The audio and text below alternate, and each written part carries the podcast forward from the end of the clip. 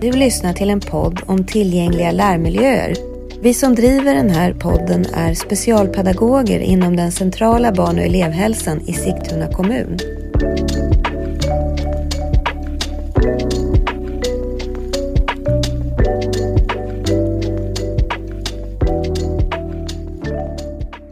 Idag har vi Joanna Lundin i vår podd. Jag lyssnade på Joanna för ett tag sedan på en föreläsning och det handlar om hur man kan möta elever med normbrytande beteendeproblematik. Det var jätteintressant. Så det är otroligt trevligt att ha dig här idag, Joanna. Men presentera dig gärna lite närmare. Tack så hemskt mycket för att jag får vara med i er podd. Superroligt! Jag heter Joanna Lundin och eh, ja, jag har ju en bakgrund som lärare och har arbetat 30 år som, som lärare. Framförallt på högstadiet, men jag har varit i andra stadier, stadium också. Ehm, de sista två och ett halvt åren så har jag arbetat i egen regi i mitt företag Skolkraft där jag eh, föreläser, håller utbildningar och handleder kring framförallt tillgängligt lärande. Och eh, jag har skrivit två böcker. Båda två har kommit ut genom studentlitteratur. En skola som fungerar för alla och ett lärande som fungerar för alla. Och ja, det är eh, riktigt, riktigt roligt att vara med i podden och extra roligt med tanke på att jag hörde ett avsnitt här, det föregående avsnittet, där Ingela Björk fanns med. Och jag har ju haft den stora äran att eh, under det här året, senaste året arbeta tillsammans med Ingela och hennes medarbetare på Sankta Gertrud just kring tillgänglighet utifrån olika vinklar.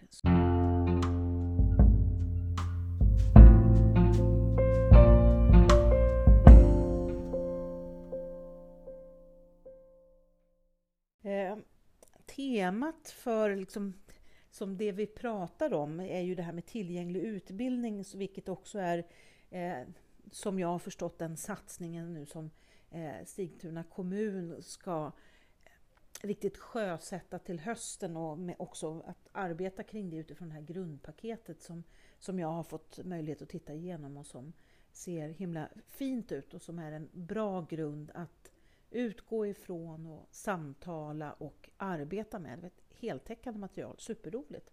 Ehm, men jag är med som sagt för att jag tänker att eh, ge min syn på det här med tillgänglig utbildning. Ja, vad är det för någonting? Ofta när jag är ute och föreläser så pratar jag och utgår jag ifrån någonting som jag kallar för förändringspyramiden. Eh, förändringspyramiden förändringspyramiden är eh, för mig ett sätt att åskådliggöra vad det är för någonting vi behöver för att verkligen få till en skola för alla eller ett lärande för alla. Och den förändringspyramiden den består ju av längst ner i botten utbildning, fortbildning. Och nästa del sen är hur vi organiserar oss i vår verksamhet. Och så kommer vi till värdegrund och så allra högst upp i den här pyramiden har vi då fysisk miljö. Min uppfattning är, är att vi väldigt ofta när vi börjar prata om tillgänglighet och börjar arbeta kring tillgänglighet, att vi då börjar med den fysiska lärmiljön, alltså det vi ser. Och det behöver inte vara helt fel, det tänker jag inte, eh, men problemet blir väl om vi fastnar i det, alltså att det här att vi köper in möbler, vi köper in kognitiva stödverktyg, hörselkåpor, eh, olika former av så här bollar och att känna och klämma på för att orka hålla fokus. Eh, ja, den här typen av saker.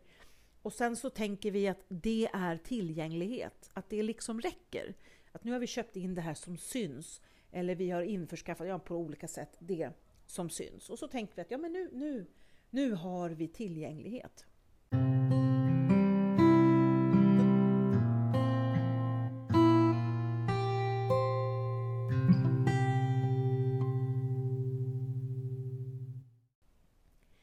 Erfarenhet är ju att eh, om vi inte förstår varför vi ska göra på ett visst sätt så skapar det här snarare mer stress och frustration än att det leder till någonting positivt och gott för elever och lärare. Eh, så där, därför hävdar jag liksom hårt hela vägen att vi måste börja från början och vi måste också ha med oss det att det här eh, utvecklingsarbetet, det här ja, eh, utvecklingsarbetet eller eh, förfiningsarbetet eller vad vi nu kallar det för, det är någonting som måste få ta tid. Det är ingenting som vi kan göra klart på en termin eller på ett läsår, utan det här är ju någonting som vi behöver ha med oss hela tiden. Och när det gäller överhuvudtaget tillgänglighet så, så är ju min bestämda uppfattning att det är ingenting som är ett projekt som går att genomföra. Tillgänglighet är ju någonting som ska ligga som en röd tråd i allt vi gör. När vi pratar bedömning, när vi pratar fysisk lärmiljö, när vi pratar eh, relation, vad, vad, vi än håller på med så ska tillgänglighet löpa som en, en röd tråd. Eh, så det är egentligen kanske inte i sig något utvecklingsarbete utan snarare liksom en väldigt viktig hörnsten som vi liksom, eller en plattform som vi snarare, inte hörnsten, plattform som vi behöver vila vår verksamhet på. Ehm, så det här med förändringspyramiden, den är otroligt viktig tänker jag att, liksom, att utgå ifrån samtal och diskussion just för att synliggöra att det här är inga quick fix och det finns verkligen inga quick fix utan det här är ett arbete vi behöver göra från grunden.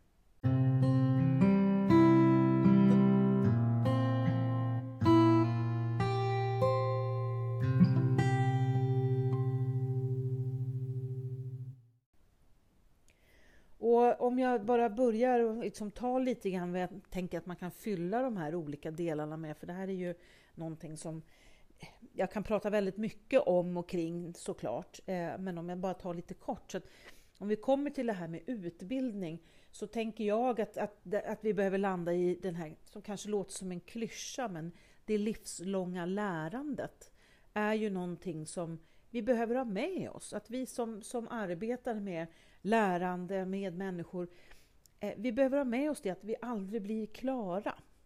Eh, och kliver man ut, om man nu skulle göra det, från lärarutbildningen och tänker att japp, nu är jag färdig, nu är jag klar, nu är jag lärare, nu har jag liksom verktygen, nu vet jag hur jag ska göra. Och att man sen då stänger någon slags fortbildningsdörr, då tänker jag att man är lite fel ute faktiskt. Ehm, för att vi behöver ju ständigt vara i ett utvecklande. Och det kan absolut vara stressande och det kan vara jobbigt på många olika sätt och vis.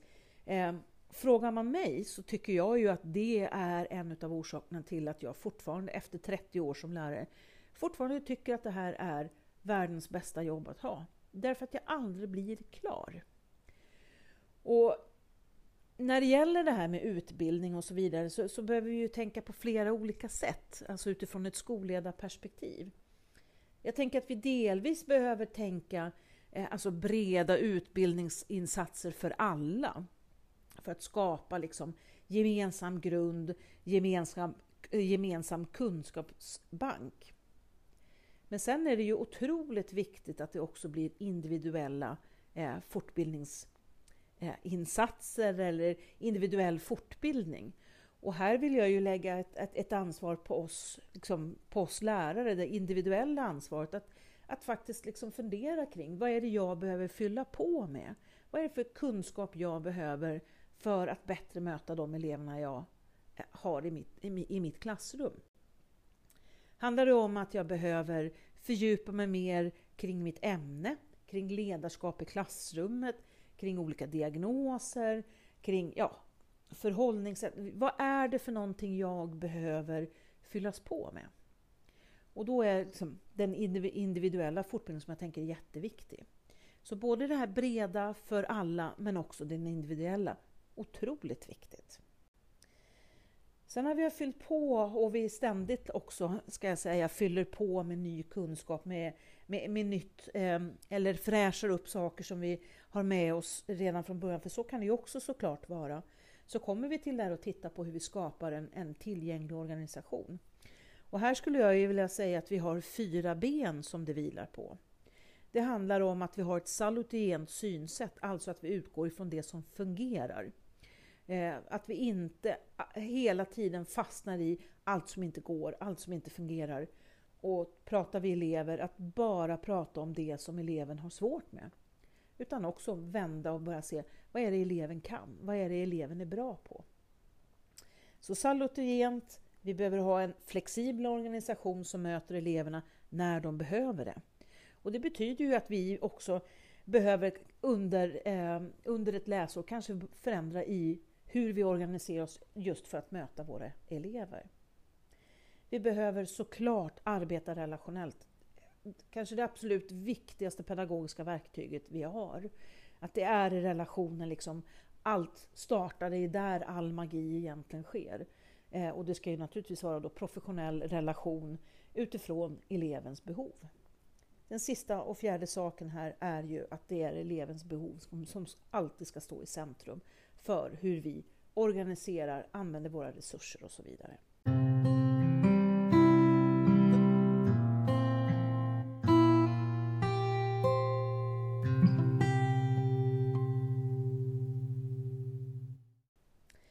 Sen kommer vi till tredje biten här i förändringspyramiden och det är ju då värdegrund.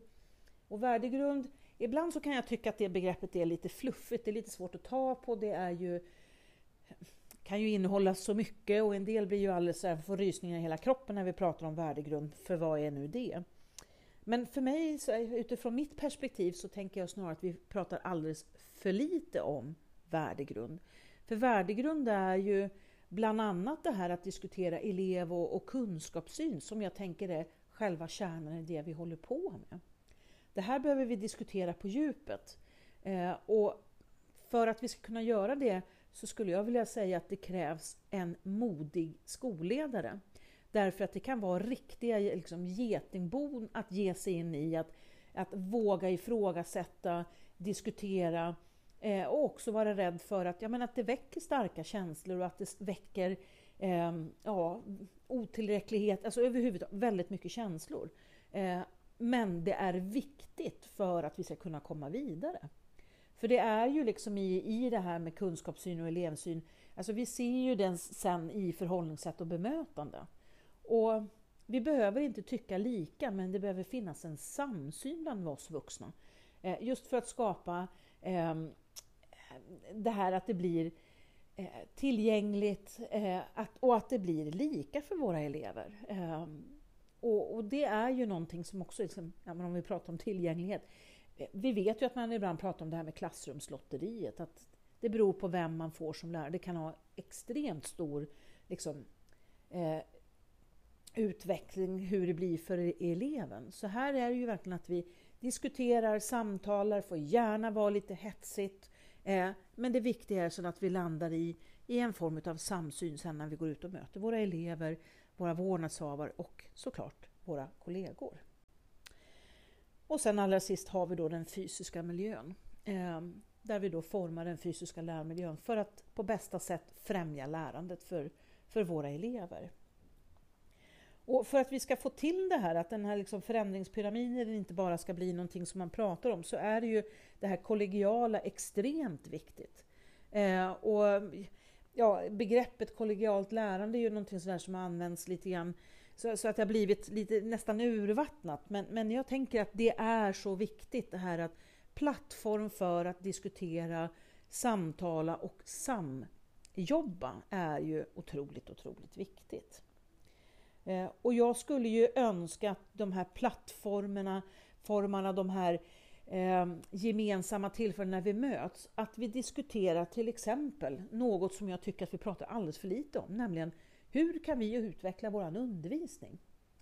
Eh, vi pratar ju extremt mycket anpassningar i svensk skola och ibland blir det ju nästan absurt. Eh, självklart är det så att vi har elever som behöver individuella lösningar. Men jag skulle önska att vi i mycket större utsträckning än vad vi gör idag pratar om vår undervisning, vår praktik. Eh, och ska jag vara helt ärlig, så när jag tittar på det som då bland annat Skolverket lyfter fram som exempel på då extra anpassningar. För mig är det en ganska självklar sak att det ingår i min normala repertoar som lärare att, att jag gör på lite olika sätt beroende på vilka elever och vilka klasser jag har. Men eh, det behövs ju om igen det här att vi får till liksom, samtalen tillsammans och att stötta och hjälpa varandra. För vi är ju ofta ganska ensamma när vi är i klassrummet och därför är det än mer viktigt det här att vi tar kraft och hjälp av varandra. Eh, så att vi orkar, men också att vi naturligtvis också ska få in nya tankar, ny input, eh, kunna bolla tankar och idéer tillsammans och naturligtvis hjälpas åt.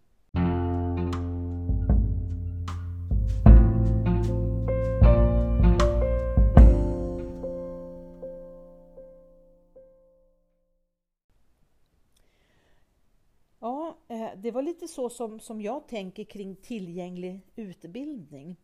Eh, och någonstans i allt det här så tänker jag att eh, jag återkommer till det och vill ha det som någon slags liksom, slutkläm till på det hela. Det är ju att vi behöver prata mycket mer kring undervisning och hur vi utvecklar den. För att det är där det börjar. Vi behöver ha en tydlig pedagogisk idé och därefter plockar vi in de verktyg vi behöver för att stärka den här pedagogiska idén. Alldeles oavsett om det handlar om digitala verktyg eller tidsstöd eller mallar eller strukturstöd, vad det än är för någonting. Först pedagogisk idé och sen verktyg. Och den pedagogiska idén är ju alldeles ypperligt att liksom diskutera tillsammans. Ja, eh, tack så mycket för att jag fick vara med och prata lite grann om tillgänglig utbildning. Eh, jätteroligt att vara med i er podd. Tack så hemskt mycket.